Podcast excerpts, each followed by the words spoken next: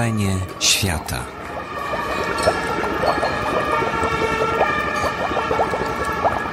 Wiki Radio oraz Instytut Reportażu zapraszają do wysłuchania spotkania z Aleksandrą Łojek, autorką książki Belfast 99 ścian pokoju, zarejestrowanego w faktycznym Domu Kultury przy ulicy Gałczyńskiego 12 w Warszawie 25 listopada 2015 roku. Prowadzenie Ewa Winnicka. Współpraca Wydawnictwo Czarne. Dobry wieczór Państwu. Y, nazywam się Ewa Winnicka i mam Ci przyjemność przedstawić Państwu Ole Łojek, autorkę książki Belfast 99 ścian pokoju. Y, będziemy Ci rozmawiać o Belfaście, ale i o Oli, bo Ola w Belfaście jest niesłychanie, to jest dopiero temat, który zobaczycie Państwo jest y, niesłychanie interesujący. Ole, strasznie się cieszę, że tutaj jestem, ponieważ to jest takie dopełnienie um, takiego kręgu, który zatoczyłyśmy. Ole spotkałam um, w marcu 2013 roku, prawda? Ja byłam tam w podróży służbowej. Ole poznałam um, za pomocą bardzo interesującego bloga i naszego wspólnego znajomego. I pojechałam do niej do Belfastu, mm, kiedy pracowałam nad swoją książką. Pamiętam, że lot e, na tamtą wyspę był jednym ze straszniejszych doświadczeń. To był marzec, to zawsze tak bardzo to znaczy nawet kostyczni Anglicy, którzy lecieli ze mną, trzymali mnie, trzymaliśmy się po prostu za ręce, ponieważ spodziewaliśmy się, że nie wylądujemy już żywi. Tak strasznie wiało. A deszcz ze śniegiem padał poziomo. To było też takie doświadczenie. A potem było tak jak u Hitchcocka. Potem było e, jeszcze lepiej. Kiedy Ola opowiadała mi o doświadczeniach e, człowieka, Polaka w Belfaście, kiedy opowiadałam mi o Belfaście, byłam, tak pomyślałam o tym, że to jest temat na książkę i pierwszej chwili muszę Ci powiedzieć, że pomyślałam, że może ja ją napiszę, ale im dłużej mówiłaś o Belfaście, pomyślałam sobie, że to jest w ogóle bez sensu zupełnie. Dziękuję, dobrze Więc um, to Ola napisała tą książkę i strasznie się cieszę, że jesteśmy tutaj razem. Ola, ja bym chciała zapytać Cię, e, Ciebie na początek, bo będziemy rozmawiać o mieście um, poćwiartowanym przez historię, e, która wszyscy myśleliśmy, że skończyła się ta tragiczna jej część w 1998 roku, mm, kiedy zaczął się czas oficjalnego pokoju w Irlandii Północnej. Okazuje się, że tak nie jest do końca. Um, Ola, bo ty znalazłaś się w Belfaście dosyć przypadkowo, prawda? By, by, miałaś tam pracę, byłaś dziennikarką w polskiej gazecie, która jak większość polskiej gazet Wielkiej Brytanii zakończyła swój żywot. Ale czy ty wiedziałaś, dokąd jedziesz wtedy z Londynu? Dobry wieczór jeszcze raz. Nie, wiedziałam, dokąd jadę. Wiedziałam tyle, co pewnie większość z Państwa. Ale co wiedziałaś? Czyli na przykład, wiesz, czy oglądałaś y, wtedy Krwawą Niedzielę? Byłam się ojca i te wszystkie romantyczne filmy o walce narodowo-wyzwoleńczej, które są, jak to brytyjskie filmy, bardzo krytyczne wobec brytyjskiej, brytyjskiego oficjalnego punktu widzenia. Tak, moje nastawienie było tego typu właśnie, że jadę do kraju, gdzie kraju, prowincji, bo wiedziałam w przeciwieństwie do niektórych imigrantów, że jednak to jest część e, Zjednoczonego Królestwa, mówię o Irlandii Północnej, więc o tym wiedziałam. Natomiast tak, miałam też bardzo romantyczną wizję całego konfliktu. To nawet nie tylko, że Ira i wspaniali bojownicy, którzy giną z imieniem Irlandii, z nazwą Irlandii na ustach i e, pokiereszowani przez życie, przede wszystkim moja wiedza była tak bardzo uromantyczniona i, i stosunkowo ograniczona do filmów. W polskiej literaturze niewiele się pojawiło e, w ogóle informacji na ten temat. Ja w ogóle też zawsze interesowałam się terroryzmem, więc doczytywałam sobie pewne informacje, ale one też bardziej gdzieś tam we mnie się kotłowały, nie mogłam w żaden sposób ich przyporządkować do czegokolwiek. Także mm, wiedziałam, że są jakieś organizacje paramilitarne, nie bardzo rozumiałam, co to, co to oznacza być organizacją paramilitarną. Wiedziałam, że coś jest pod czyjąś kontrolą. Więc jechałam sobie tak naprawdę trochę też i na wygnanie, ponieważ życie mnie poturbowało, o czym też troszeczkę wspominam, więc e, E, dostałam pracę w, to ładnie powiedziałaś w gazecie. Chciałam być miła. Więc to było tak, To była taka ulotka reklamowa, do której mniej więcej wielostronicowa, do której pisałam e, ambitne teksty, e, bardzo ambitne z mojego punktu widzenia, natomiast pamiętam, że redaktor naczelna była bardzo nieszczęśliwa, z tego, nie redaktor, przepraszam, wydawca była nieszczęśliwa, ona chciała stworzyć coś na kształt polityki dla e, imigracji, po czym okazało się, że po moim, jednym z moich tekstów o polityce Iranu, adresowanym do imigracji polskiej żyjącej w Belfaście, niespecjalnie się ta gazetka rozchodziła. Y, Nie wiem, dlaczego imigranci mieliby nie być zainteresowani polityką wewnętrzną też Iranu. Może nie było gołych bab po prostu na... Potem już się postarała gazeta, żeby się tam pojawiały bardziej rozegliżowane na tyle, na ile konserwatywne społeczeństwo słowiańskie pozwala. Więc wylądowałam w takim miejscu z byłą karierą akademicką. Zatraktowałam ten, ten Belfast wcześniej Carrickfergus, wylądowałam w miejscowości jeszcze pod Belfast, takiej szarej, deszczowej, bardzo pięknej, ale nie dla kogoś z depresją. Um, ona akurat świata, ja w ogóle mam depresję zawsze, także wtedy miałam trochę głębszą. Świat jest o, straszny, więc nie bójmy się tego słowa. po prostu. Ale wtedy było ciężko, po prostu było ciężko w moim życiu, teraz nie jest, w ogóle nie mogę tego porównać. I, i to wygnanie i potem e, gazetka upadła i szukałam pracy jako ten były akademik z przerostem ambicji i, i takim myśleniem na swój temat, że no, ja już no dobrze upokorzę się i wyślę te dwa listy gdzieś tam, wszyscy nie przyjmą z ramionami, po czym jak wysyłam e, listy z życiorysem pełnym, gdzie jest kilka języków i tak dalej, do firm sprzątających, nie dostałam żadnej zwrotnej informacji, byłam wstrząśnięta.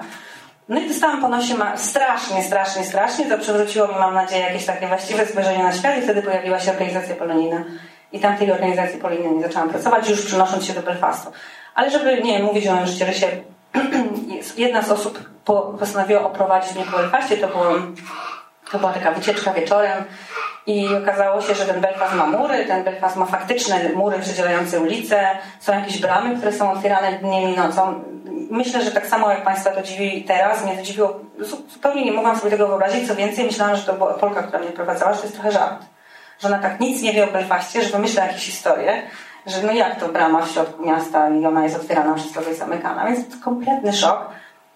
No i zaczęłam się pogłębiać, zaczęłam coraz więcej wiedzieć, a dzięki temu, że pracowałam w organizacji, która moją rolą było pośredniczenie pomiędzy ofiarami przestępstw a policją i różnymi innymi ludźmi, których później, których opisuję w książce, czyli de facto organizacjami paramilitarnymi, trzeba nagle rozumieć, że to jest zupełnie coś innego niż ja sobie wyobrażam, plus właśnie to, że jest dodatkowy czynnik, czyli organizacje paramilitarne, które się bardzo różnią od tego, co sobie wyobrażamy w ogóle, i, i, muszę gdzieś to, to brać pod uwagę, więc to była wielki, wielka zmiana. Dobra, to teraz myślę, że dla mniej zaawansowanych Państwa powinnyśmy... Zaczynam swoje znowu, tak? Będę odjeżdżać, tak? Nie, powinniśmy w ciągu czterech minut, nie więcej, opowiedzieć Państwu o historii Irlandii Północnej. Dlaczego Belfast jest dziwny? Dlaczego Belfast jest dziwny? Belfast jest dziwny teraz, bo przez wiele dekad w Belfaście głównie trwała e, e, wojna, konflikt cywilny. To jest coś, co się nazywa konfliktem cywilnym bardziej niż wojną w, w prawie międzynarodowym. Nikt tego tak naprawdę poza samymi mieszkańcami Belfastu nie określi jako wojnę. Zwany w języku angielskim kłopotami, w języku angielskim the troubles, czyli kłopotami, co jest też takim eufemizmem. To cudowna w ogóle nazwa, prawda? Tak, wojny. tak. I to, to jest tak. Tak, i to jest coś, co mnie też zaskoczyło. Bo... Czy Państwo macie kłopoty? tak, to jest coś, co mnie również zaskoczyło od strony językoznawczej, czy kłopoty. Dowiedziałam się, ile osób zginęło, dowiedziałam się, jak ginęły, dowiedziałam się o tych wszystkich zamachach, o których my słyszeliśmy gdzieś tam, na, oczywiście, ale nie wiedzieliśmy, jaka była tego skala. Nie wiedzieliśmy, że ludzie żyli w potwornym osaczeniu przez dekady i dowiedziałam się, że to się nazywa kłopoty, więc dla mnie to był żart. I, i googlowałam i pytałam, okazało się, że to nie jest żart, to jest faktyczna nazwa, w cudzysłowie, ale nadal nazwa czegoś no wojnę, no. Skąd wynikała ta wojna? Opowiedz, tak wiesz, w punktach. Irlandia Północna została, stała się Irlandią Północną. To był 20, jeśli dobrze pamiętam, zawsze mylę daty 21, 24, bo ja się specjalizuję w islamie, pamiętam daty tamte lepiej. Więc kiedy kalifat został zniesiony. Dla chętnych Państwa w następnej godzinie powiemy o kalifacie. O, o, o ISIS godzinami. Um, ale nie pozytywnie.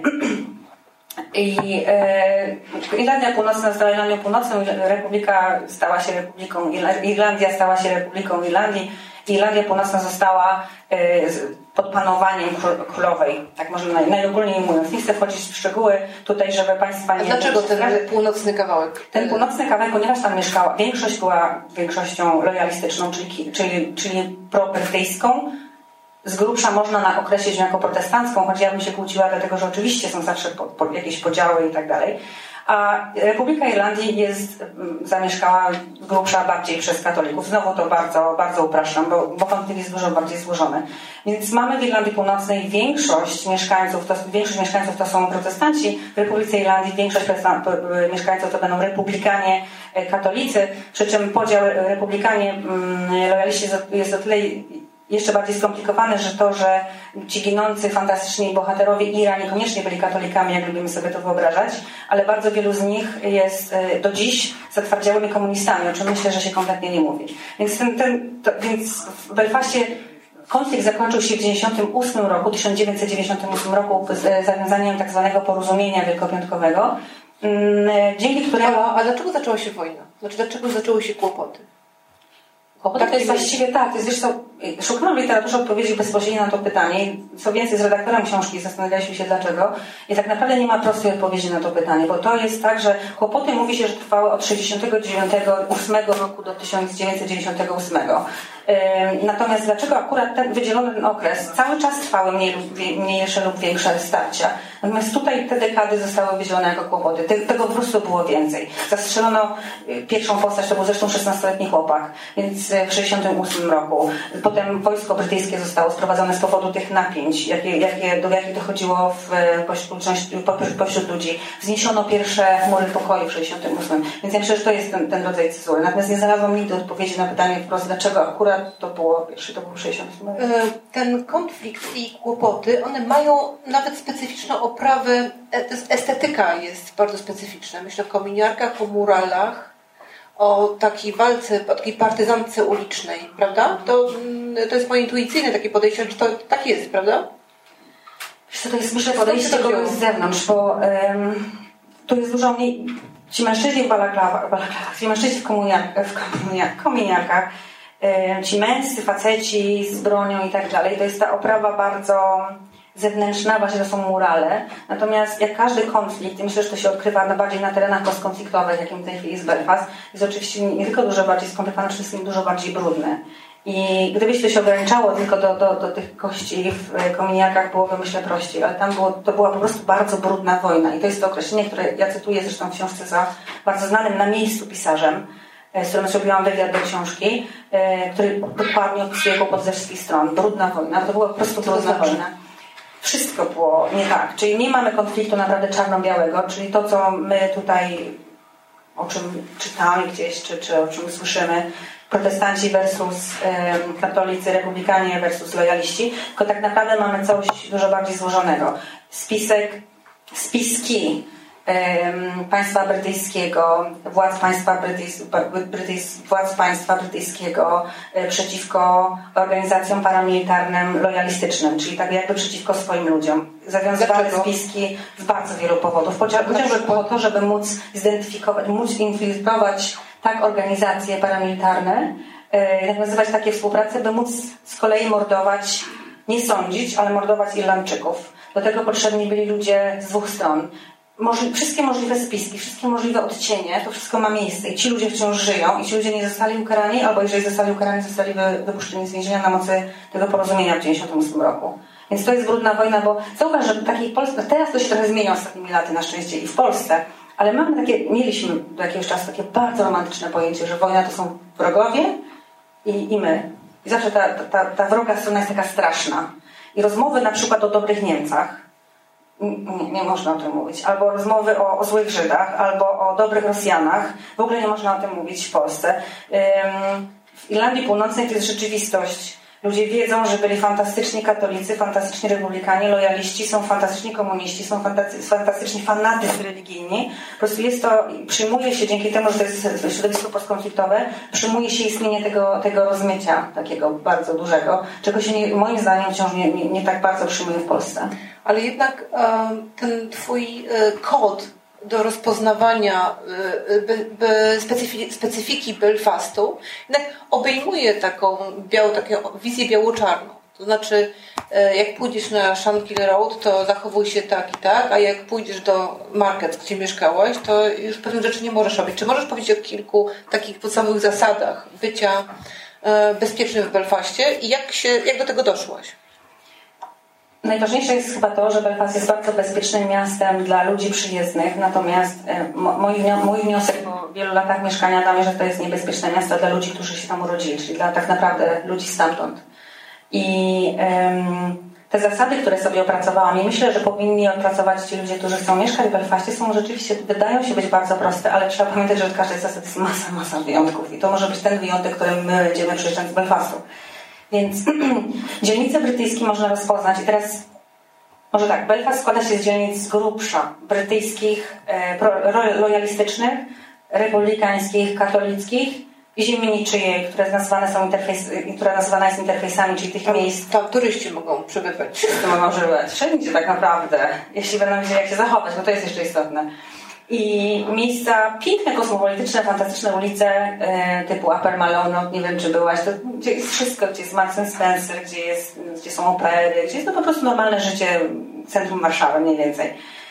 Czy Krakowa, czy i, I, to jest tak naprawdę ta piękna, sprzedawana przez rozliczne foldery część Belfastu, która oczywiście I stocznia, która zbudowała Titanica, które też właśnie śmialiśmy się tu u, u, Was w domu, że to jako symbol, jako taki magnes turystyczny dużo mówi o mieście, prawda? No, z tego się śmieją też miejscowi, wiesz? Tylko właśnie się nie mówi o tym, że oni się z tego śmieją, ale mówią właśnie, że no, no właśnie, nas reprezentuje Titanic, dziękujemy bardzo. ale są też koszulki patriotyczne sprzedawane w Belfaście, że e, z Titanikiem, że Titanic zbudowany przez Irlandczyków, zatopiony przez Brytyjczyków. Republikańskich dzielnicach I, aha, I te republikańskie dzielnice trudniejsze dzielnice, ja nazywam trudniejszymi, bo myślę, że w Polsce nazwano by je patologicznymi, ale zdecydowanie już nie chcę używać tego. Bo to, to prawda, to bardzo wielu tak. ludzi y, znacznie protestuje przeciwko w ogóle mówieniu patologii. Czy, pa, patologii. Mi się też tak zrobiło, tak, tak, no, żeby tego nie mówić. W tych trudniejszych dzielnicach, gdzie jest niższe wykształcenie, jest bieda, yy, bardzo dużo alkoholizmu, duża liczba samobójstw albo prób samobójczych głównie, tam w tych realistycznych, lojalistycznych dzielnicach są krawężniki, widziałaś, nie? malowane na y, flagi królowej, co jest ciekawe. Widzieliśmy raz, bo dla mnie wielki szok, bo tego kompletnie nie mogłam zrozumieć, dlaczego ktoś, Brytyjczyk, położył sobie do wycieraczkę, jako flagę brytyjską. Myślę, że była próba zamanifestowania, że wszystko w moim domu jest brytyjskie, a to była wycieraczka. On się wycierał buty, więc też... Papier toaletowy. To tego nie widziałam. Tego nie, nie, nie, nie. Myślę, że tak. W republikańskich dzielnicach, czyli w tych katolickich z Rubsza, są flaga Irlandii i co ciekawe flagi palestyńskie. Nie wiem, czy zwróciłeś na to uwagę, że tak, palestyńskie tak, tak, na muralach tak, są murale. Tak, tak. palestyńskie flagi tak. w ulicach a w brytyjskich Izraela flagi można znaleźć. To normalnie w środku miasta nagle wykwita flaga Izraela i wtedy wiadomo, że się jest w brytyjskiej dzielnicy, bo republikanie tam nie postawili brytyjskiej, brytyjskiej nogi. Także, y, ale mówimy o trudnych dzielnicach, bo klasa średnia się pięknie miesza, przy czym pięknie, bo po prostu klasa średnia się specjalnie konfliktem nie interesuje, więc to są te dzielnice, y, te czyste, błyszczące dzielnice, gdzie nikt nie myśli o przeszłości, tylko bardziej o, o przeszłości, bardziej o przyszłości. Um, czy możesz opowiedzieć o tym doświadczeniu, które miałaś, kiedy wprowadziliście się jako rodzina do bardzo irlandzkiej dzielnicy? Czy to jeszcze jest rzecz, która nie powinna być, nie, no, już może być opowiedziana, już było opowiedziane. Tak. Już, już trochę może być opowiedziana. Tak. Y, Ewa miała, och, miałyśmy dużo wspólnych przejść dzięki temu. Tak. Y, Ewa przyjechała do dzielnicy, odwiedziła nas w dzielnicy, w której zamieszkaliśmy. Ja współpracowałam z, z policją jako ten łącznik taki trochę co oznaczało, że tak bezpośrednio policja nie płaciła pensji, ale organizacja, która brała te pieniądze od policji. I wprowadziliśmy się do ultra-republikańskiej dzielnicy, której szefem e, była jakaś tam osoba, która obecnie nie żyje, nie z mojego powodu, aczkolwiek właśnie mieliśmy bardzo poważny konflikt. tak, łatwo się śmiać, i wróć sobie do za mojej dzielnicy były. I no, ponieważ wprowadzaliśmy się, już miałam trochę wiedzy na szczęście na temat Belfastu, stwierdziłam, że muszę się poradzić kogoś, gdzie, do kogo się zwrócić o to, żeby w owej dzielnicy było bezpiecznie, a e, my wybieramy zawsze celowo takie dzielnice trudniejsze, żeby zamieszkać, bo po prostu naprawdę lubimy ludzi z tych miejsc. I e, dowiedziałam się, że jest taki pan o imieniu i nazwisku, którego oczywiście nie wspomnę już nigdy, do, do końca swojego życia, miejmy nadzieję długiego, i że mam się do niego zwrócić. I te, to, to polecenie było z ramienia e, najogólniej rzecz ujmując urzędnika państwowego. E, podano mi imię nazwisko oficera, no nie, nie oficera, tak naprawdę dowódcy Provisional IRA, czyli IRY lokalnej. No i poszłam do niego. Zaraz, ale przecież IRA już nie powinna istnieć, prawda? Od 98 roku. Nie powinna. No ale jednak y, wysłał cię urzędnik miejski do y, tak, i on nie powiedział, że on mnie wysyła do Ira przecież. No przecież nie przeszłoby mu przez usta. To co powiedział? Że taki człowiek dozorca jest dzielnicy. Dobry człowiek, z którym muszę się skontaktować i on miewał, miewał opinię, ten dobry człowiek, dobrego człowieka. Tam, że krążyły jakieś informacje o nim, że zamordował jakichś ludzi po coś tam, no to wiesz, no to są takie informacje, które o każdym krążą, bo faktycznie gdzieś tam, więc ojej. No i poszliśmy ja poszłam najpierw do niego, przywitałam się, rozmawialiśmy o komunizmie, bo okazało się, że jest komunistą, byłam u niego w pracy, to była taka organizacja lokalna, wspaniała, nie lokalna, w sensie pomocowa. Rozmawialiśmy i powiedział, że możemy się czuć bezpiecznie, że jakby coś się działo, to możemy się do niego zwrócić. Już szybko zaczęło się coś dziać. Dzieciaki w tej dzielnicy bardzo, bardzo, bardzo trudne i kompletnie dzieciaki zaniedbane z ciężkich rodzin, Kilka rodzin było fantastycznych i nam bardzo pomagało, ale kilka rodzin, bardzo wiele rodzin nie. Dysydenckie, dysydenci republikańscy mieszkający tam na miejscu, o czym, o czym nie wiedzieliśmy, bo jednak to nie jest wiedza powszechna tak do końca, a być może też nie zrobiłam aż tak dobrego researchu, jak mi się wiesz, wydawało. Zamieszkaliśmy tam i okazało się, że dzieciakom lokalnym się, katolikom notabene, nie spodobało się, że są obcy jacyś. Nie chodziło o to, że byli Polacy, obcy jacyś, czyli ktoś, kto nagle się pojada z kimś dziwnym, z jakiegoś dziwnego kraju skądś zaczęli nam rzucać kamienie i takie różne rzeczy w okna. I oczywiście zadzwoniłam do tego człowieka i opiekuna i zaczęłam z nim rozmawiać. Mieliśmy tam jakieś spotkania, nie specjalnie reagował. Nie bardzo mi się podobały jego reakcje. I z jednej strony zdawałam sobie sprawę, z kim mam do czynienia, z drugiej strony nie. I, i no i weszliśmy, ja, czekaj, i potem no, pojawiłaś się ty. Rozmawialiśmy ja Ci to całą tę historię opowiadałam i pojawił się artykuł, nie, pojawił się przedsmak Twojej książki w, w postaci rozdziału w dużym formacie. I życzliwa belfaska polska dusza przetłumaczyła ten rozdział. Pojawił się, pojawiło się to w dużym formacie, już powiedziałam. Życzliwa polska dusza przetłumaczyła to i wysłała, e, bo tam pojawiło się imię tego faceta, wysłała to tej, tej osobie. No i ja byłam zatrudniona, jestem zatrudniona w organizacji też pomocowej, ale która oficjalnie jest troszkę z drugiej strony, czyli, czyli e, protestancka i no i się zaczęło naciskanie i różnego rodzaju zachowania. I między innymi musiałam wystąpić w mediacji. Ja jestem mediatorem i nagle okazało się, że ma być stroną w mediacji pomiędzy sobą a dowódcą Piry e, ze świadkami i wszystko w ogóle było... Z Pira to, to provisional array, tak. tak. Było to bardzo trudne doświadczenie. Ja z jednej strony jestem, jestem bardzo zadowolona, ponieważ e, nie przypuszczałam nigdy, że wyjdę ogromną ręką w negocjacji z, wiesz, e, w sensie emocjonalnym, paramilitarną i to z kimś, kto E, miał taką przeszłość. Z drugiej strony byłam, byłam sparaliżowana i wiesz o tym, jakie mogą być konsekwencje, bo do negocjacji doszło już po urodzeniu się, po urodzeniu się mojego dziecka. Więc wtedy zrozumiałam, że to już nie chodzi o to, że jestem takim straszliwym chojrakiem, jest taka zabawna, dowcipna i zadzieram z komendantami organizacji parlamentarnych, tylko teraz to może mieć konsekwencje i to niekoniecznie ja będę nimi objęta. No więc artykuł został wycofany. Tak, nie ma już go w archiwum e, dużego formatu. Mhm. No właśnie takie są macki IRA w Polsce. Tak. E został wycofany i były różnego rodzaju, no nie, najogólniej, nie, nie było przyjemnie. E, my przeprowadziliśmy się do innej dzielnicy, gdzie czujemy się bezpiecznie, bo też znamy ludzi, oczywiście. E, nadal nie, jest to jedna dzielnica Belfastu, w której się nie pojawiamy, ale żeby tak zamknąć całą tę historię, żeby było bardziej tak... Tak, bo jest puenta tej historii. Jest straszliwa puenta tej historii. Mianowicie rok po naszym przeprowadzeniu się do innej dzielnicy, po tej negocjacji, po tym jak ja przy świadkach krzyczałam na dowódcę Iranu, jest jakieś kompletne dla niego, jakiś kompletny, nie, nawet nie wiem w jakim momencie musiałam ja być, wiesz, w desperacji, żeby, żeby się tak zachować. Z jednej strony tak że zadowolona, z drugiej strony to był jakiś totalny surrealizm. Wracał, szedł do swojej pracy, do swojej organizacji pomocowej, bo, bo wielu ludzi pracuje w takim charakterze, ci, ci, którzy zasłużyli się jakoś w czasie kłopotów dla swoich organizacji paramilitarnych. On pracuje, pracował w charytatywnej organizacji i o 9 rano przed swoją pracą przed, na oczach dzieci idących do szkoły został zastrzelony cztery razy, raz w plecy, raz w głowę o 9 rano. I to było rok temu, myślę. Do Ciebie napisałam natychmiast, że taka jest puenta tego wszystkiego. W ogóle to były wiadomości ogólnoświatowe, że no były, był zamach. Tak. A powiedz mi, jaka była przeszłość tego człowieka i dlaczego on zginął? Jest masa spekulacji, dlaczego on zginął, natomiast przeszłość rzeczywiście zaczęła się pojawiać. Ja wcześniej, wiesz, dużo bardziej jawnie. Ja wcześniej oczywiście robiłam, interesowałam się nim i jak zrozumiałam, że jest dziwnym człowiekiem, że coś tam jest nie tak, więc go googlowałam, szukałam, myślę, że ty też to robiłaś i wszyscy to robili, którzy byli gdzieś tam wokół mnie.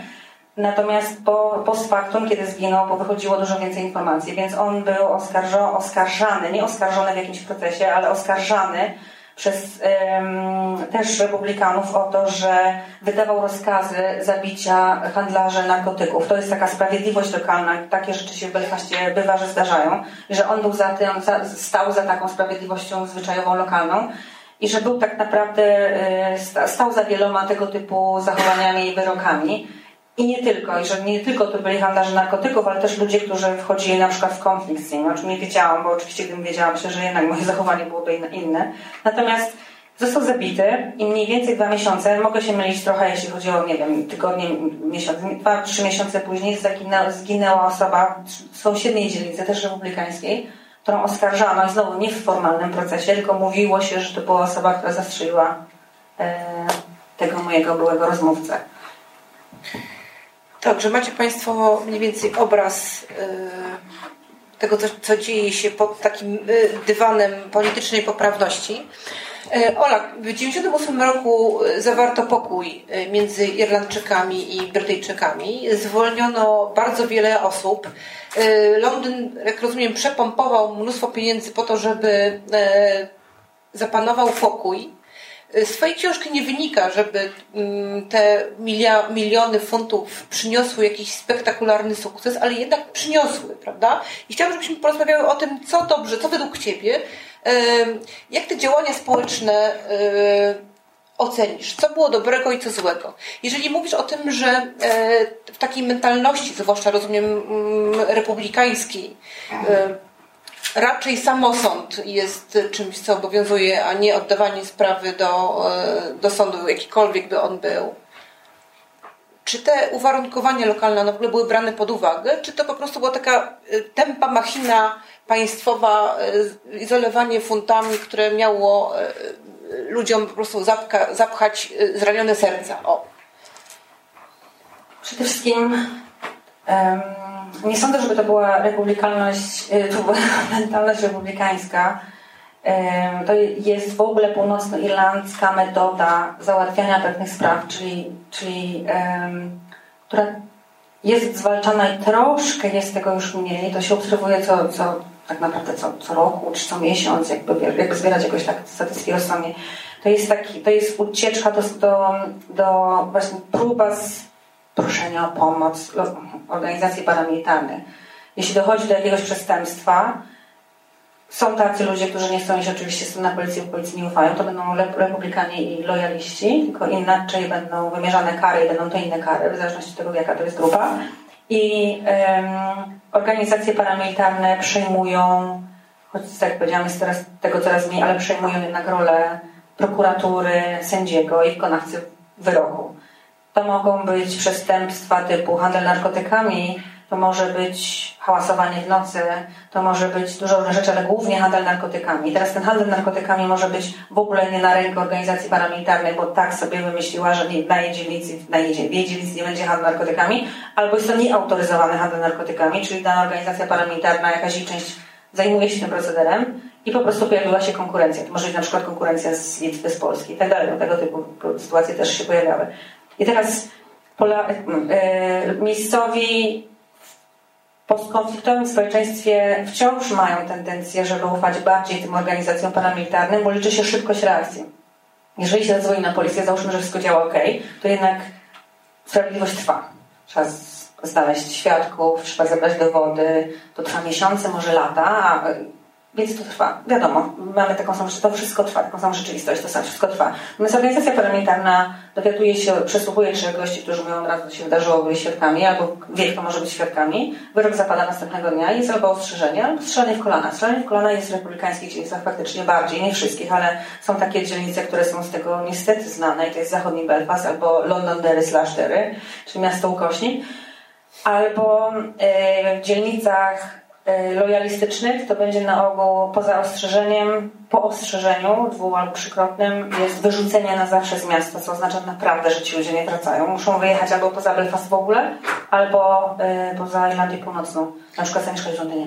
Gdyby e, skuteczność polityki e, Londynu mierzyć no nie wiem, przestrzelonymi kolanami w, i łatanymi kola, kolanami w, na ortopedii belfaskiej, bo mówiłeś, że tam są najlepsi specjaliści w łataniu kolan przestrzelonych, to czy można liczyć taką skuteczność, że kiedyś, że nie wiem, 8 lat temu łatano 100 kolan miesięcznie, a teraz tylko 20. Ewa, jak? Wiesz, jestem reporterem. Jest, jest coraz mniej przestrzelonych kolan, ale one cały czas są. I to jest domena tamtej strony, tamtej strony, strony republikańskiej, bo to jest domena i była zawsze przestrzelenie kolan. Z tym, że zajmowali się tym też yy, protestanci, no, lojaliści. I tutaj tego jest mniej, tam się wyrzuca, wiesz. Natomiast polityka, bo zapytałaś, widzisz, że tutaj odbiegłam od tematu, a to było fantastyczne pytanie. Czy to działa? Wiesz, czy to jest zapychanie gąb i, i, i z jednej strony jest to rzeczywiście rzucaniem y, złota i z, złotymi dukatami w, w który to bierze, ale z drugiej strony faktycznie są takie organizacje, które są połączone z organizacjami paramilitarnymi i ich działalność naprawdę funkcjonuje. Teraz nie mówię, ma, ma sens, nie mówię teraz o karach i działaniu kontrolno-karalnym takim, tego typu, nie, tylko mówię o takiej pracy u podstaw. Zresztą to jest coś, co strasznie różni Belfast od Polski, czy Irlandię Północną od Polski. To jest ta nieprawdopodobna, nie, nie wiem jak to nazwać, gotowość ludzi do tego, żeby pracować na rzecz swojego społeczeństwa. I teraz tak, część robi to cynicznie dla pieniędzy, obrzydliwie cynicznie, to naprawdę się robi niedobrze, a część, i to całkiem niemała ludzi, robi to po to, żeby ich dzieci nie cierpiały. A ci cynicy na przykład co robią dla pieniędzy? Co się robi dla pieniędzy? Wszystko.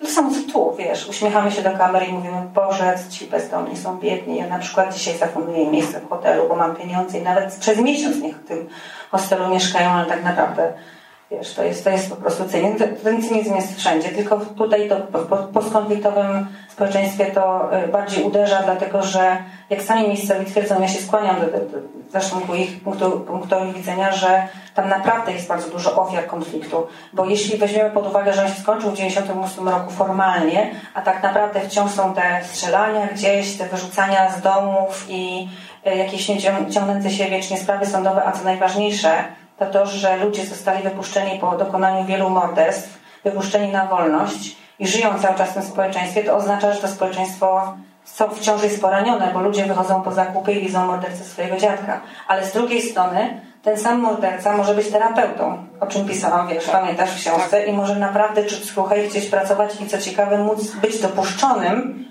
do pracy z ludźmi. To jest coś, co wydaje mi się w Polsce nie miałoby w ogóle racji pytu. I to jest ta jedna rzecz, którą bardzo podziwiam, że to jest możliwe.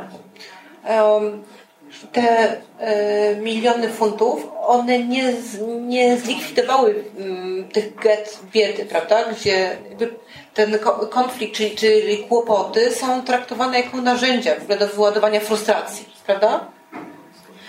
Wiesz co, i, i tak i nie tak jak powiedziałam, cynicy to mogą wykorzystywać, natomiast jest um, frustracja wśród ludzi biednych jest rzeczą oczywistą, zwłaszcza jeśli mówimy o małym mieście. Mówimy o mieście, które jest wielkości moich rodzimych Kielc. Czyli bogaci widzą biednych i odwrotnie. Ludzie widzą tych, którzy zarobili na peace process, czyli na procesie pokojowym jako politycy i mają świetne auta i robią zakupy właśnie w tych kosmopolitycznych, świetnych dzielnicach a są tacy ludzie, którzy y, y, jednocześnie po The mogli być w czasie kłopotów, mogli być bojownikami o wolność, bo tak się każda z tych stron widzi jako bojownicy o wolność, czyli też eks-bojownicy o wolność. I okazało się, że tak walczyli o coś, czego nie dość, że nie osiągnęli, bo jest, bo jest proces pokojowy, czyli nie, nie wiadomo, co się będzie dalej działo, wszystko zależy od, zależy od referendum. I ugrzęźli gdzieś w jakiejś biedzie. Więc ta, ta frustracja jest spowodowana Myślę tym, że się widzi, że niektórzy zarobili na procesie pokojowym, a niektórzy na tym nie zarobili i tak naprawdę na wiele pokoleń utknęli w takiej totalnej deprywacji. Powiedz, jak w tej e, składance e, republikańsko-lojalistycznej e, znajdują się Polacy? Ponieważ agencje e, pośrednictwa pracy wysyłały masowo autokary do fabryk mięsa w Irlandii Północnej i nie sądzę, żeby e, przeszkalały swoich robotników na okoliczność e, historii najnowszej, prawda, Europy. To jest... Ciebie jako specjalistkę z organizacji kolonijnej, która pomagała. Ex, ex, ex tak. To było wręcz wzruszające. Zresztą dziś jest, jak się spotyka Polaków mieszkających w Irlandii Północnej, w dzielnicy ultralojalistycznej i mówią o swoich sąsiadach Irlandczycy albo nawet Irole. To jest, bywa, że na, na, szczęście często nie znają angielskiego, więc nie tłumaczą sami siebie na angielski, więc to jest dla mnie wielka ulga. ulga tak, tak. Że wiesz, były dochodzi. Ale prawdą jest, że y, po 2004 roku przyjechało bardzo dużo Polaków kompletnie nieświadomych, gdzie jadą. I też nie, nie, nie dziwiłam się temu bardzo, bo ja, tak powiedziałam, przyjechałam niekoniecznie nieświadoma. Nie przyjechałam przeszkolona, wiesz. Więc przyje, przyjechali do, do Belfastu myśląc, że przyjechali do Londynu, nie, nie, do, albo do Londynu, albo do Irlandii. To też zależy. To taka, taka zdziwienie, że nie ma euro. Bywali tacy, którzy byli zdziwieni, że dostawali pensję nie w euro. Teraz troszkę to się zmieniło, e, widzę, jeśli chodzi o e, myślę, wielu Polaków, ale nie do końca. Nie do końca. Więc tak, te firmy wysyłały ludzi, ludzie myśleli, świetnie dostałam pracę, świetnie płatną, jadę do Belfastu.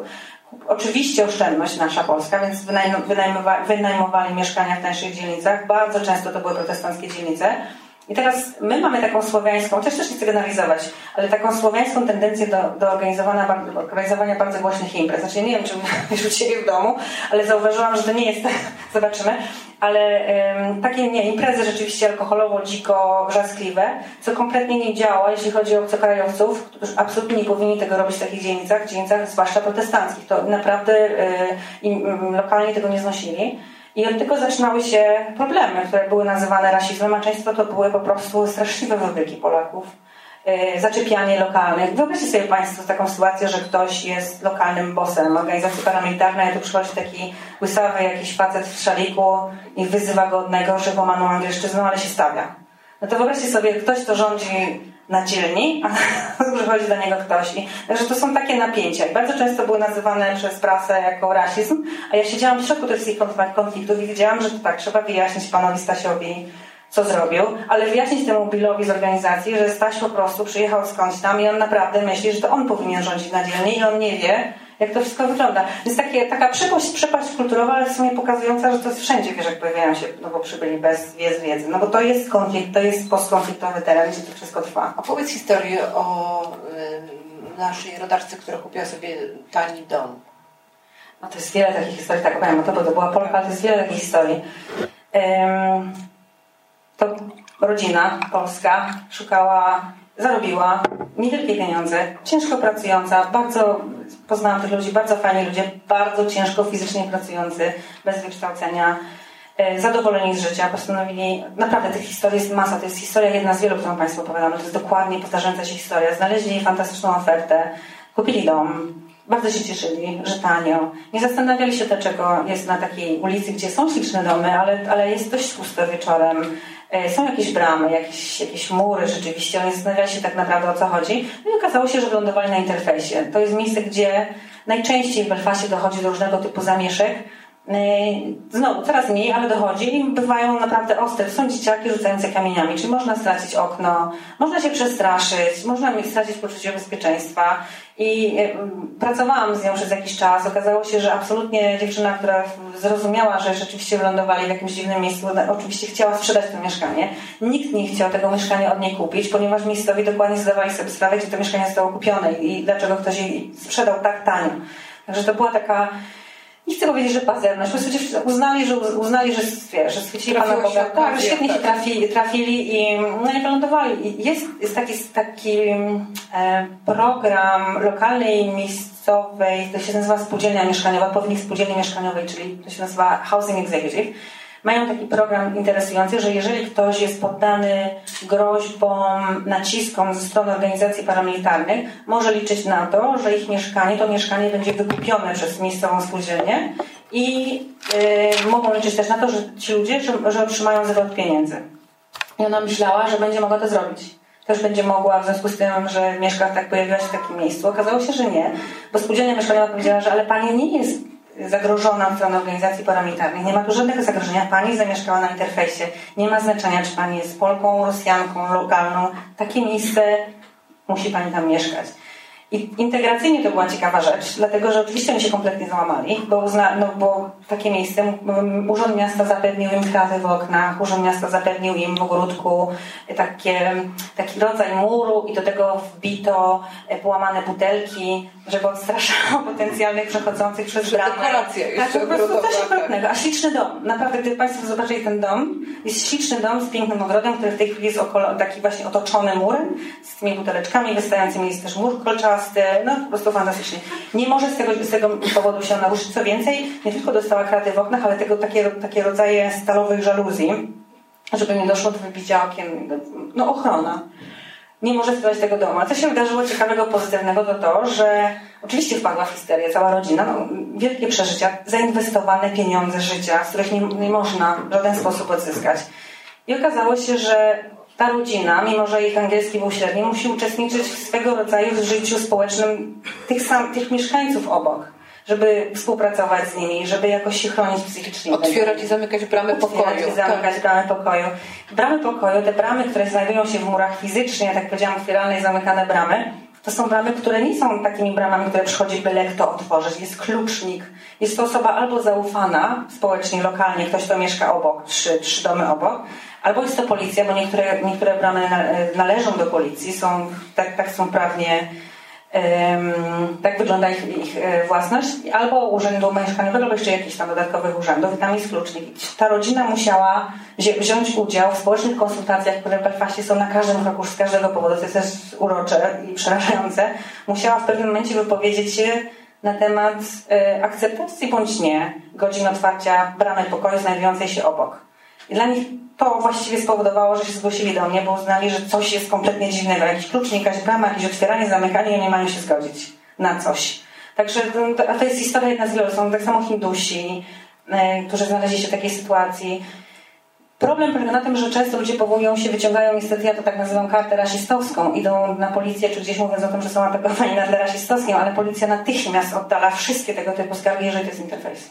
Natomiast jeżeli nie, to jest inna sprawa, ale jeżeli jest interfejs, nie ma w ogóle o czym mówić. Rozumiem. Czy e, w ogóle jest coś mm, w tej polityce społecznej, która tam się dzieje, co można by było, co, co uważasz, że jest cenne i co przydałoby się na przykład w innych krajach, które stoją w obliczu wielokulturowości, której nie miały, do której do tej pory nie doświadczały? Bardzo dużo rzeczy. E, wiesz, bo ty użyłaś w pewnym momencie sformułowania, które w Polsce kojarzy się negatywnie, polityczna poprawność. Mówiłaś e, no. Tak, tak. Ja w ogóle nie, nie myślę, że to jest negatywne. Wiem, że e, myśmy doprowadzili się do takiego stanu, że myślimy o poprawności politycznej jako czymś chorym. Tak. Ale jednak e, niemówienie czarnuch powoduje, że nie mówimy czarnuch. Bardzo, to jest Prawda? moja opinia. Co więcej, e, ja jestem ogromnym zwolennikiem politycznej poprawności. Ten mówiła zawsze, że tak i już i uzasadnienie jest takie, że nie mówimy pewnych rzeczy. Yy, yy, przeciwnicy tego typu myślenia mówią, że ale to się tłumi, tak się myśli. Tak nie. Bo w pewnym momencie to naprawdę jest nawyk, że przestaje się pewne rzeczy mówić, czy o pewnych ludziach w taki sposób mówić, generalizować. Wydaje mi się, że polityczna poprawność, czy w ogóle fakt, że prawo belfaskie, prawo Irlandii Północnej penalizuje karze za tego typu język, który nazwany jest hate speech, czyli mową nienawiści. Uważam, że to jest świetne wyjście i uważam, że to powinno być wprowadzone na najbardziej podstawowym poziomie i najbardziej surowo przestrzegane. To tak jest w Belfaście. Tak powiedziałam, zajmowałam się wiele lat jako, jako pracownik takiej organizacji, nie jednej, która tym się zajmowała i e, to bardzo szokuje przyjezdnych. Kompletnie nie, jako my, jako Polacy, nie możemy się pogodzić, że na sąsiadów nie można mówić irole albo brytole zupełnie nie. Ja już nawet nie wspomnę tak, o tym. Ja właśnie... W ogóle to było też dla mnie, podczas pracy nad moją książką, to było dla mnie takie odkryciem. Znaczy nie, nie znam tego słowa ciapaty. Ja poznałam je y, w organizacji polonijnej, y, nie, w gazecie polonijnej, przepraszam. I dyrektor, tak. Redaktor naczelny był. Tak, i redaktor naczelny. Z ciapatem jakimś. Tak, śruby z ciapatem, tak. Ja nie wiedziałam, co to znaczy. Ja nawet powiedziała, jak to nie wiesz, no tutaj pracują ciapaci, czyli ja z Indii albo z Pakistanu, no więc to było tak. I polonijna organizacja, polonijna gazetka i która działa do dziś. Działa. I, więc jestem zdecydowanie za tym, żeby to y, było wprowadzone jako, nie wiem, wychowanie w szkole. Ja wiem, że bardzo osób dużo będzie przeciwko, bo to jest, to jest, no, to jest jeszcze tak, że to jest w Irlandii Północnej myśli się, że e, wolność ma swoją cenę, że wolność słowa tak, ale ta wolność słowa musi być ograniczona, tylko tam nie ma takich kompleksów cenzury jak u nas, więc mówi się, że ta wolność musi być ograniczona odczuciami drugiej osoby. Oczywiście, że nie mówię, nie chcę tutaj idealizować społeczeństwa irlandzkiego, bo jest masa osób, która absolutnie się nie zgodzi z czym mówię też, ale na poziomie takich dyskusji codziennych, zwłaszcza w kontrolowanych środowiskach typu praca i tak dalej, po prostu można zostać ukaranym. I znam przypadek, ostatnio miałam do czynienia ze sprawą, teraz zmieniam większość rzeczy, które opowiem o sprawie, żeby nie, nie, absolutnie nie zidentyfikować ani sprawcy, ani, ale ktoś, e, Polak, e, w kłótni jakiś nazwał kogoś w pracy, załóżmy ciapatem. I e, zostało to, usłyszał to szef fabryki, i szef fabryki wyciągnął, e, natychmiast doszło do śledztwa, e, świadkowie rozmowy, notatki z każdej rozmowy i ostrzeżenie jako, jako, pierwsza, jako pierwszy, no pierwsze rzeczy to było ostrzeżenie, a jeśli to się powtórzy, facet traci pracę. E, to myślę, że to jest powód, dla którego media zastanawiały się, czemu w mediach polonijnych Wielkiej Brytanii jest tyle hejtu, znaczy w mediów, w internecie. I ktoś pomyślał o tym, że to być może jest jedyny kanał, gdzie, może, gdzie ludzie po prostu swoją nienawiść i uprzedzenia wyrażają, bo nie mogą tego robić e, w sferze publicznej. Myślę, że jeszcze wiesz, do, dołożyłam tego brak moderacji. Ja w ogóle nie jestem w stanie zrozumieć, dlaczego polskie inter, media, portale internetowe głównie nie mają moderatorów. Bo nawet Daily Mail ich ma. Wiesz, Daily Mail to jest taka bulwarówka bardzo popularna w, Irlandii, w Wielkiej Brytanii i w Irlandii Północnej. Przepraszam, tutaj obraziłam wszystkich lojalistów. W Zjednoczonym Królestwie i Irlandii Północnej. Wielkiej Brytanii i Irlandii Północnej. Tak, tak, tak. tak. Y, I, i um, nawet oni zatrudniają w pewnych kontrowersyjnych tematach, które jest dość dużo, zatrudniają moderatorów. Nie mogę tego zrozumieć, że można tak sobie po prostu siąść. Ja już nie rozumiem tego, że w Facebooku można się podpisać imieniem nazwiskiem kogoś odsyłać, wysyłać do gazu, ale jeszcze wiesz, anonimy, też anonimy można moderować i uważam, że każda, każdy i ludziom się to mieli, każdy portal powinien mieć swojego moderatora i nie rozumiem, że to jest określane jako cenzura, za, jako cenzura nie zrozumiem tego nigdy. O, chciałam zapytać, czy ktoś z Państwa ma pytanie do autorki, bo chciałabym, żebyście Wy też wzięli udział w spotkaniu. Tak. ja od początku, kiedy czytałam Twoją książkę... Mogę? Mikrofon? O, jest Pan z mikrofonem. Czytałam Twoją książkę. Y, miałam pytanie dotyczące takiej stratyfikacji społecznej dotyczącej mm, Belfastu, tak? Mi mówisz, piszesz, że to jest miejscowość po mniej więcej jak Kielce, czyli Pirazełko w tej chwili 180 tysięcy mieszkańców, tak? Czy się mylę? Coś koło tego, prawda? Pytasz się nie, nie ile ma, ile ma Belfast? Myślę, że około 3, 3 tysięcy, ale tak jak przepraszam, 300 tysięcy. Tak. No to Kielce mają 180 tysięcy mieszkańców, e, więc dwa razy większy niż Kielce. I mówisz o tym, że e, to nie dotyczy klasy średniej, tak? Że klasa średnia i klasa wyższa, jak rozumiem, nie uczestniczyła w kłopotach i nie uczestniczy w całym tym procesie, który był po. Z drugiej strony jest tam, jak pamiętam, uniwersytet, prawda? Czyli ta stratyfikacja społeczna w Belfaście jakaś jest, czyli jest jakaś klasa wyższa, klasa średnia, klasa robotnicza. Też rozumiem, nie znam stratyfikacji społecznej Belfastu, ale rozumiem, że skoro tam była stocznia i był Titanic robiony, no tam jest jakieś środowisko robotnicze. Po pierwsze, przybliż, proszę, e, jak to tam procentowo, ja jestem socjologiem, jak to tam procentowo wygląda to środowisko, ta stratyfikacja, ci robotnicy i w związku z tym jakiego procentu, bo nigdzie tego nie spotkałam w swojej książce, dotyczyły kłopoty. Jeśli możesz. Pytanie o procenty jest na przyjaciółka. Gorszego jak na Pytanie o procenty kompletnie wiesz, nie, nie będę w stanie absolutnie tego określić w żadnym wypadku. Natomiast jeżeli chodzi o tak zwaną klasę pracującą, to są wszystkie, wszystkie dzielnice, gdzie zobaczysz bardziej wyraźne bardziej wyraźne próby identyfikacji się, identyfikowania się z jakąś stroną, to będą to dzielnice trudniejsze, nazwijmy to klasy pracującej, z tym, że to też jest taki termin, tam jest dużo niepracujących. I to jest taka, to jest to niepracowanie spowodowane nie tylko brakiem pracy, ale też i taką dziedziczną, e, wyuczoną bezradnością, bo te pieniądze są, ale inaczej się myśli, inaczej się myśli o pracy, łatwiej jest zarobić jeszcze inaczej, na przykład handlując narkotykami, to jest oczywiście dużo, wiesz, dużo bardziej opłacalne. Yy, można nie iść do pracy, bo zasiłki są bardzo wysokie i wiem, że dla yy, niektórych Polaków też to jest kuszące wyjście. Czasami wydaje mi się, może nie czasami, wydaje mi się, że te zasiłki w Wielkiej Brytanii są po prostu na tyle wysokie i są tak bardzo wysokie, że one trochę psują, nie motywują ludzi do pracy. Jest obojętne, czy to są ludzie pracujący, niepracujący, Polacy czy nie. Więc nie potrafię Ci absolutnie odpowiedzieć na pytanie o procenty. Mm. większość, to dotyczyło większości społeczności belfastskiej? Kłopoty? Czy... Kłopoty dotyczyły tylko i wyłącznie um, one miały źródło w miejscach klasy pracującej i tak naprawdę w niektórych miejscach wciąż trwają jako konflikt, jako napięcia w tych, w tych dzielnicach. Klasa średnia nie musiała w nich uczestniczyć, dlatego że miała dużo wygodniejsze życie. Po prostu ta praca była i inny, myślę, etos też podejścia do pracy. Tylko nie chciałam też stygmatyzować tej klasy niepracującej i pracującej. Po prostu tak naprawdę ja, ja używam socjologów takiego określenia jak determinanta geograficzna. Naprawdę niektórzy ludzie urodzili się w takich miejscach, w których nie mieli kompletnie innego wyjścia. Dziedziczyli i bez, bezrobocie, i niechęć do pracy, ale też nieumiejętność znalezienia pracy, albo na przykład nieumiejętność czytania. To jest do dzisiaj. E, klasa średnia nie musiała uczestniczyć w kłopotach, e, po prostu miała gdzieś. Ja myślę, że to jest to wygodne życie sprawia, że nie musisz o nic walczyć, więc tak trochę trudniej jest tych ludzi, myślę, zmobilizować do czegokolwiek, co miało być takim zrywem, no bo jest za dużo do stracenia. Jak się nie ma nic do stracenia, to, to się łatwiej walczy. Ktoś jeszcze z Państwa? Jest Pan. Ten, pani trochę uprościła ten konflikt yy, Belfastu.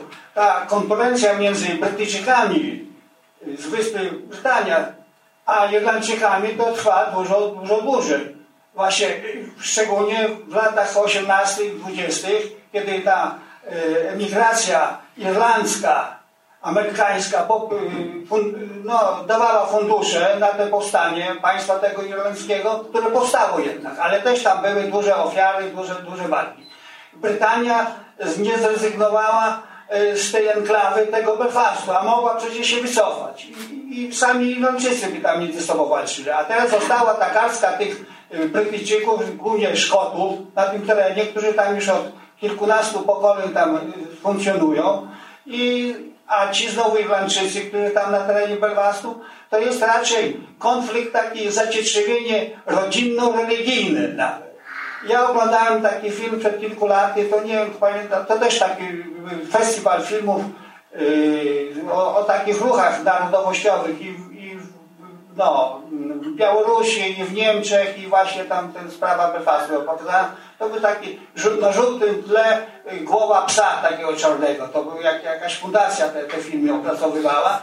I właśnie było pokazane, że yy, wychowanie w rodzinach Póki są małe dzieci, to jest segregacja. Potem ta młodzież już się miesza na terenie średnich szkół, na terenie e, zabawy, kluby, gdzie ta się protestancka i katolicka się miesza.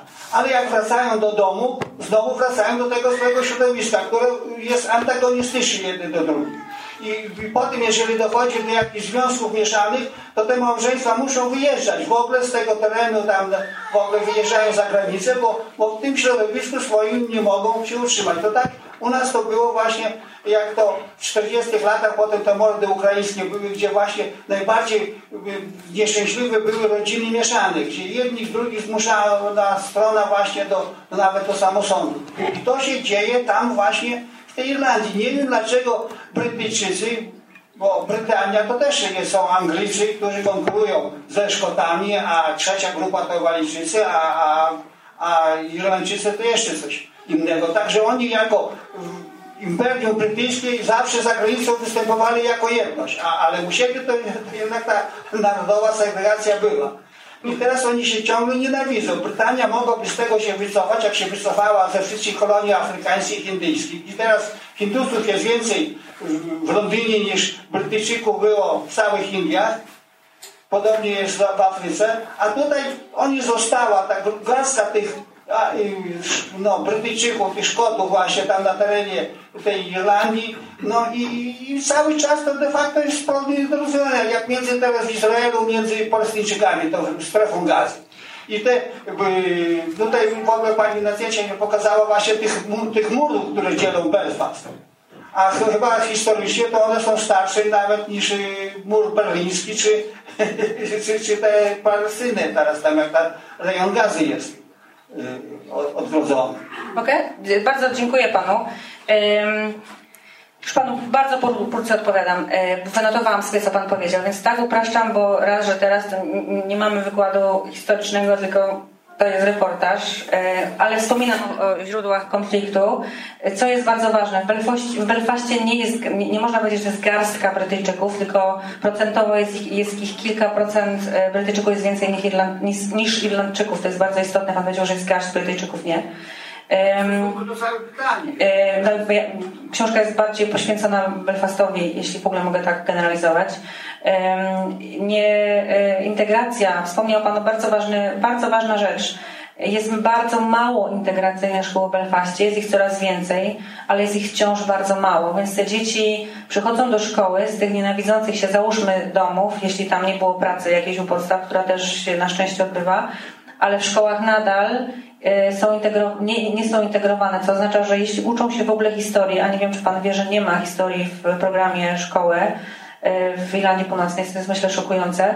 Jeśli w ogóle są jakieś elementy historii, to jest ta ich historia, czyli to będzie historia bardziej Wielkiej Brytanii, E, w szkołach protestanckich i bardziej Irlandii, ale też bardzo teraz grubsza, ponieważ historii nie ma po prostu. Nie jest to konflikt religijny, jest to konflikt terytorialny, religia jest wykorzystywana w sposób fantastyczny, a że ludzie są na to podatni, to po prostu taka jest natura ludzka. Jest się tak nazywa pięknie w socjologii głód absolutum, on jest. I dlatego się to wykorzystuje. Stąd wszystkie problemy na świecie, myślę, aczkolwiek ja jestem wielkim zwolennikiem, może nie, bardzo szanuję religię, ale po prostu wiem, że jest wykorzystywana jak przez ISIS w tej chwili, który moim zdaniem ma nic wspólnego z islamem, ale wiem, nie wchodzi na ten temat, bo będzie długa dyskusja. Małżeństwa mieszane nie muszą wyjeżdżać e, z Belfastu. W zależności od tego e, bywa, że tak, bywa, że nie. Znam rodzinę katolicko-protestancką mieszkającą w ultra-protestanckiej dzielnicy, ale znam taką rodzinę, która musiała, która musiała wyjechać, ponieważ były tam linki paramilitarne różne dziwne rzeczy się działy, więc tutaj rzeczywiście, jeśli tego typu przeszłość albo teraźniejszość jest, to może do tego dojść. Natomiast użył Pan słowa, e, mówił Pan o Anglikach w Wielkiej, przepraszam, w Irlandii. Tak, tak Pan powiedział, Anglików w Irlandii nie wiem ilu jest, natomiast jeśli chodzi o Irlandię Północną, bo rozumiem, że o tym mówimy, jest ich bardzo niewielu po prostu jest bardzo niewiele. Brytyjczy, oni się określają jako Brytyjczycy. Rzadko mówią o sobie jako Anglicy, dlatego że Anglików nienawidzą i Brytyjczy, Brytyjczycy, i Irlandczycy i w sumie mogliby się zjednoczyć, ale nie e, z tego powodu, w jaki sposób, jeśli chodzi o walkę ideologiczną. E, Irlandczycy Anglików nienawidzą z oczywistych powodów, ale żeby było śmieszniej, czy chociaż jest to tak naprawdę smutniejsze, Brytyjczycy jeżdżący do Londynu, załóżmy na wycieczki, kiedy otwierają usta i mówią z belfaskim akcentem, są natychmiast określani jako buddies, czyli ironicznie, ironicznie i brzydko i role, którzy przyjechali e, z, e, z Belfastu i niektórych to bardzo obrusza i uważają to za okropne, rzeczy, niektórych nie. No ale wiadomo, że jeśli jest lojalista nazwany Irlandczykiem, może mu się to nie podobać. I jeszcze ktoś z Państwa?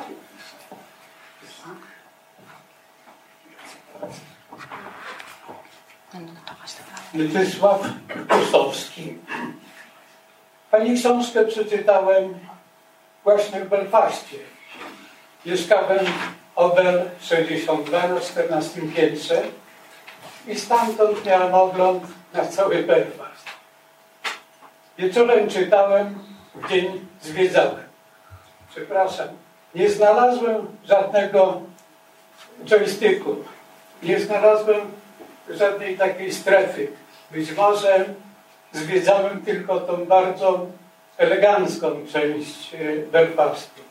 I ta część jest naprawdę zachwycająca. Szkoda, że tutaj Pani nie przedstawiła zdjęć takich, takich właśnie dzielnic normalnych, eleganckich, czy nawet ratuszy. Dziękuję. Dziękuję Panu bardzo i od razu Panu mówię, bo to jest bardzo ważna wypowiedź. W ogóle mnie nie interesują piękne części miast europejskich, bo one są wszędzie mm, mniej lub bardziej takie same. To znaczy jest w nich piękno, jest, są w nich, jest pyszne jedzenie, bardzo lubię jeść, są teatry, ja uwielbiam operę, ale to po prostu jest wszędzie takie samo. I to, że pan był Belfast, ten kosmopolityczny, ten Belfast postkonfliktowy ma dwie twarze. Twarz, która mnie kompletnie nie interesuje, to jest ta twarz, którą mogę znaleźć niestety wszędzie. Wyjątkowością jest oczywiście architektura.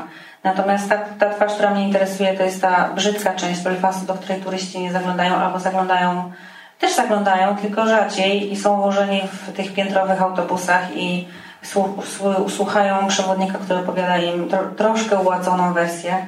Z całym szacunkiem, bo rozumiem, że ktoś, kto jedzie na wycieczkę, nie musi chcieć słuchać o, o, o mordach ja rozmawiałam z wieloma ludźmi, którzy zamordowali, może zamordują i oni mają zupełnie in, in, inną, inne doświadczenie.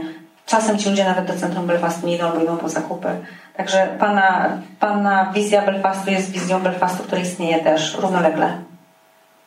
Tutaj pani chciała powiedzieć też coś, albo zapytać. Dziękuję bardzo. Ja mam trochę pytanie w nawiązaniu do tych Kielc, ale chodzi mi o taką e, próbę wyobrażenia sobie, bo jest to dla mnie trochę niewyobrażalne, że na tak niewielkim mieście jest tych 99 murów, są te dzielnice różne, przeróżne, republikańskie, lojalistyczne, jeszcze jest centrum, są te jeszcze interfejsy i tak po prostu jakoś nie mogę sobie tego wyobrazić, bo nie wiem, rozumiem, że Warszawę można tak podzielić, bo jest całkiem spora, ale jeszcze tutaj Pan mówi, że tego nie widać, więc jak to jest? Gdzie, gdzie te mury stoją? Jak, jak to można sobie wyobrazić? Ich, dziękuję Pani. Ich nie ma w centrum. Ich nie ma na Upper Malone Road, ich nie ma na Lisbon Road. Wymieniam, popisuję się tutaj, wymieniam te nazwy lepszych dzielnic. Ich tam nie ma. One naprawdę są w dzielnicach tych biedniejszych, gdzie albo się jest wożonym i zawsze się jest przywożonym przez rozliczne firmy turystyczne, gdzie jest pokazywanie palcem mniej więcej, o tu jest mur i wtedy turyści mogą zobaczyć i z grubsza poznać historię. I są też te takie romantyczne nazwy jak Shankill Road. Jest, są no, są no, no, romantyczne tak. nazwy i te mury bywają one bywają nawet całkiem wpasowane w tej chwili w, całą, w tej chwili w całą architekturę, bo tam są murale pokojo, propokojowe, na przykład na tych bardziej turystycznych murach. Ale proszę mi uwierzyć, tutaj te zdjęcia, myślę też obrazują, to są zdjęcia Mariusza, Mariusza Śmiejka, nagrodzonego przez National Geographic i towarzyszył mi w tych zdjęciach. Nie, ja mu towarzyszył. I, I te mury są, e, naprawdę one wyrastają w środku ulicy. Także jest taka ulica, którą ja zawsze pokazuję jako, tak, jako taki bardzo bolesny przykład tego, jak, jak wygląda podział. Nie wiem, czy ty byłaś, Ewa, na Madrid Street, to jest wschodni Belfast. Jest sobie ulica, która nie jest taka długa. Załóżmy, że połowa marszałkowskiej, jeśli w ogóle ma jakiś sens. I nagle nic nie jest bachmur w środku. Naprawdę on po prostu rozdziela fizycznie ulicę, nie, nie, nie biegnie wzdłuż, tylko naprawdę przecielają fizycznie. To jest jeden z wielu murów w Belfastie. On sobie tak stoi. Jedna część jest katolicka, ten mur jest bardzo wysoki, okratowany i tam są też, jeśli dobrze pamiętam, jest na kilka metrów wysoki. Za, nią, za nim jest część katolicka, gdzie mieszkają ultrarepublikańscy katolicy i komuniści. I z jednej strony jest część ultraprotestancka z organizacją paramilitarną, z własnym systemem kar i tak dalej. Naprawdę to jest. Można tam wejść. I co więcej, moje pierwsze doświadczenie muru tak naprawdę, bardziej takie praktyczne, to było właśnie przy tej ulicy, Wezwałam naiwnie taksówkę i powiedziałam, że proszę na Madrid Street jakiś tam numer. Jechałam do, do klientki, osoby, której miałam pomóc i podałam jakiś numer. Pan taksówkarz spojrzał na mnie i powiedział, po której to jest stronie? Prawej czy lewej? Prawej, lewej, to znaczy mam numery, jakoś przyporządkować parzyste są po prawej i tak dalej, jeszcze ja nie myślę nigdy numerami, w ogóle się zagubiłam i zfrustrowałam jeszcze, mój akcent jest tak polski, że pomyślałam sobie, że to jakiś rasista pewnie oczywiście, że z wyczuł i tak, nie, nie, nie. I okazało się, że on chciał, żebym sprecyzowała, tylko nie chciał zadać tego pytania w taki sposób, dlatego że to byłoby uważane za mowę nienawiści. Więc po prostu chciał, żebym ja zadeklarowała, a wie pan, po stronie protestanckiej albo po republikańskiej. On, ja nie wiem, powiedziałam, że nie wiem. Wjechaliśmy w stronę na Madrid Street. On sprawdzał liczby na domach, numery na domach. Okazało się, że trzeba przejechać w drugą stronę i powiedział, bo wie pani, bo tu jest taki mur i musimy teraz jechać bardzo dookoła. Ja zapytam, jak to dookoła? Nie możemy jechać tutaj po prostu wprost? Nie, jest mur. Możemy podjechać pod mur, ja nie wierzę. Podjechaliśmy pod mur i to był mój taki pierwszy poważny mur. I zaczęliśmy chodzić, oglądać te mury. No są. No właśnie wyrastają w taki sposób. Ja wiem, że sobie nie można tego wyobrazić, dlatego trzeba jechać do Belfastu. Inwestować tam, niech tym, niech tym ludziom trochę będzie łatwiej. Ale inwestować właśnie tak, to nazywam underground, czyli pochodzić do tych lokalnych, strasznych sklepów, a nie wydawać Marksie i Spencerze, chociaż tam naprawdę są dobre sałatki, ale mówmy się, że trzeba je doprawić.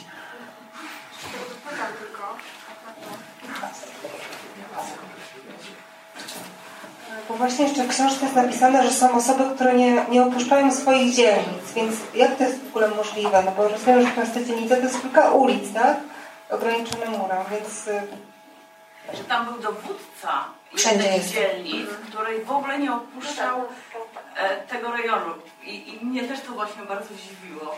Jest Jak to, jest cały czas tak jest, że są ludzie, którzy nie ruszają się z własnych dzielnic, bo oni robią zakupy w obrębie swoich dzielnic Mówimy o i dzieciach, i dorosłych ludziach. Dorośli ludzie, z którymi rozmawiałam, jeśli takie mają postawy, to wynika to z tego, że boją się spotkać albo kata ze swojej przeszłości, który został wypuszczony z więzienia, albo kogoś, komu oni zrobili krzywdę.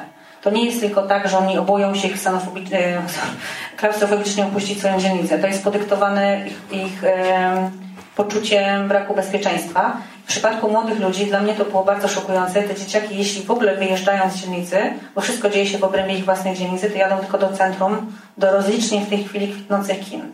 I wracają później do swoich dzielnic, gdzie wychodzą grać w piłkę. Teraz, no wiadomo, komputery, iPody i tak dalej, więc to, to, ten świat trochę się ogranicza do podwórek.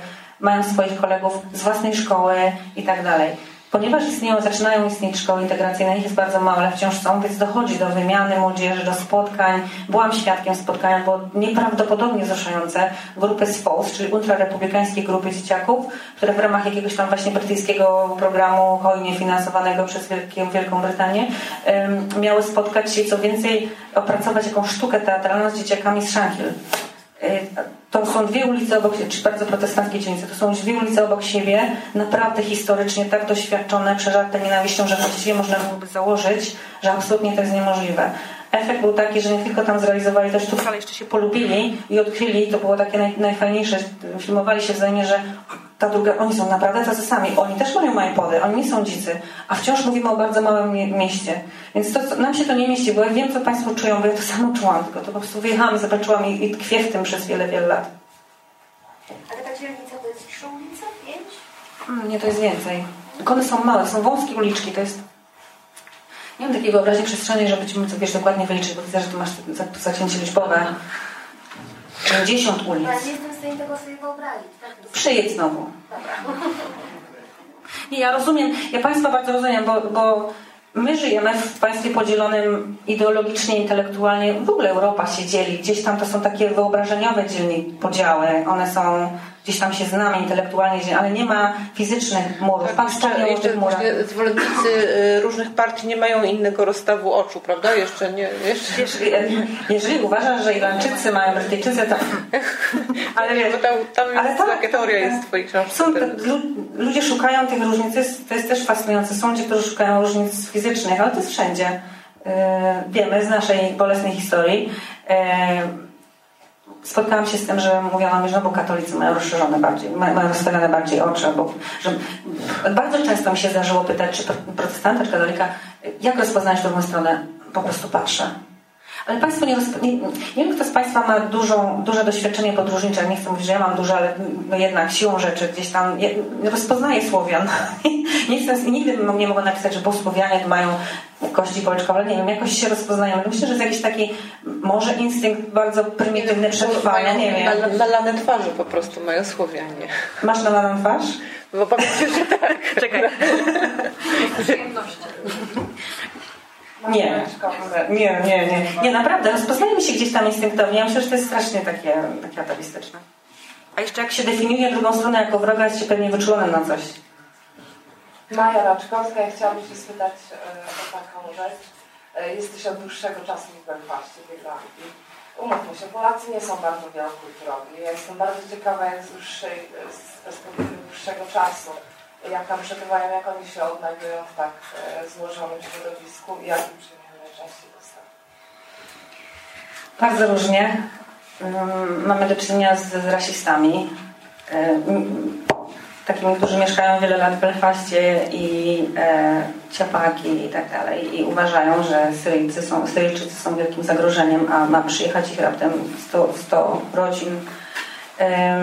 są tacy, którzy są bardzo otwarci bardzo trudna emigracja. Emigracja zarobkowa to jest inna emigracja niż emigracja, która przyjechała z powodów być może politycznych, czy jakichś takich bardziej romantycznych, albo po to, żeby się spełnić. Jeśli ktoś ma, tak mi się wydaje, na celu zarobić pieniądze, niekoniecznie chce też, ma czas uczyć się o innych, nieznajomość języka jest strasznym problemem strasznym problemem, bo jeśli chodzi o Belfast, e, można znaleźć wszystkie informacje. Moja książka naprawdę, gdyby została przełożona na, angielski, nie byłaby wielkim odkryciem dla Belfastczyków, bo to jest ich rzeczywistość. Także ja nie, nie, nie zszokowała nikogo.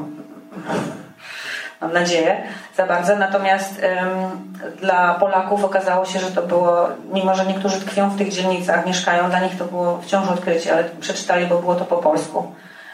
Więc naprawdę nie ma tej wielkiej świadomości. Moja teza jest taka, że to wynika z tego, że jeżeli się tylko i wyłącznie koncentruje na zarabianiu, nie ma czasu, bądź nie chce poświęcić, to, to, to może skutkować lękiem, a lęk jest naturalnym źródłem rasizmu.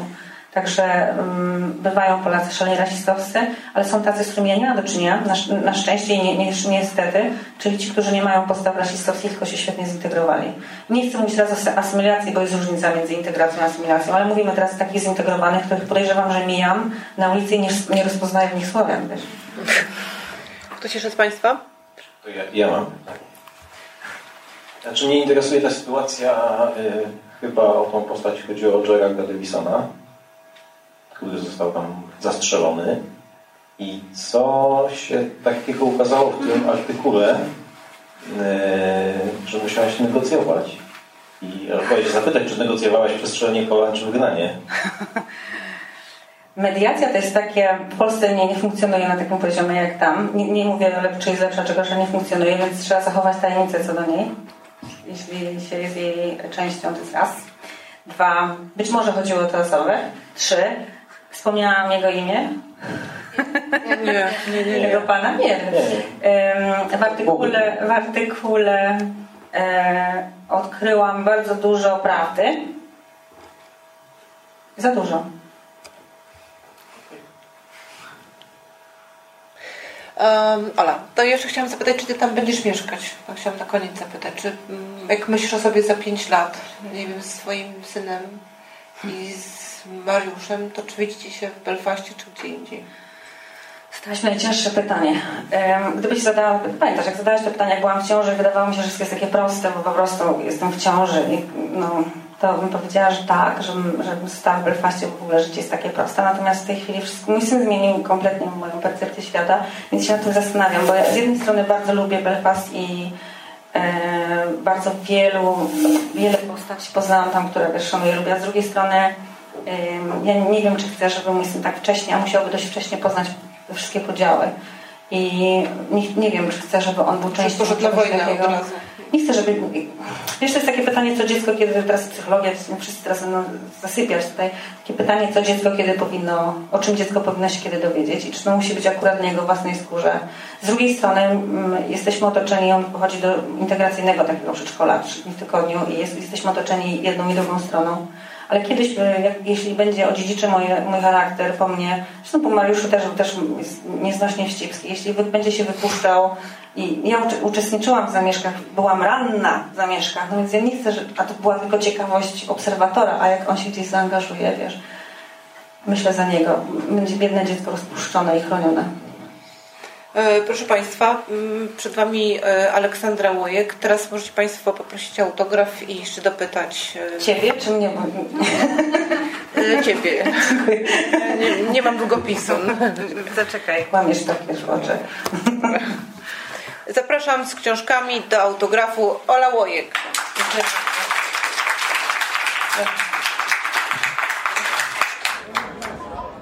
Fundacja Instytut Reportażu zaprasza do swojej księgarni z literaturą faktu i kawą Wrzenie Świata na ulicy Gałczyńskiego 7 w Warszawie. Wejście przez bramy Nowy Świat 48 i Nowy Świat 52. Podcast Wrzenie Świata jest nadawany przez Wiki Radio w ramach nieodpłatnej działalności statutowej Fundacji Otwórz się we współpracy z Fundacją Instytut Reportażu. Wszystkie nagrania można znaleźć na stronie wrzenie.podcasty.info, w iTunes i w katalogu polskich podcastów podcasty.info. Zapraszam do słuchania pozostałych podcastów Wikiradia. Można znaleźć je na stronie podcasty.info ukośnik Wikiradio.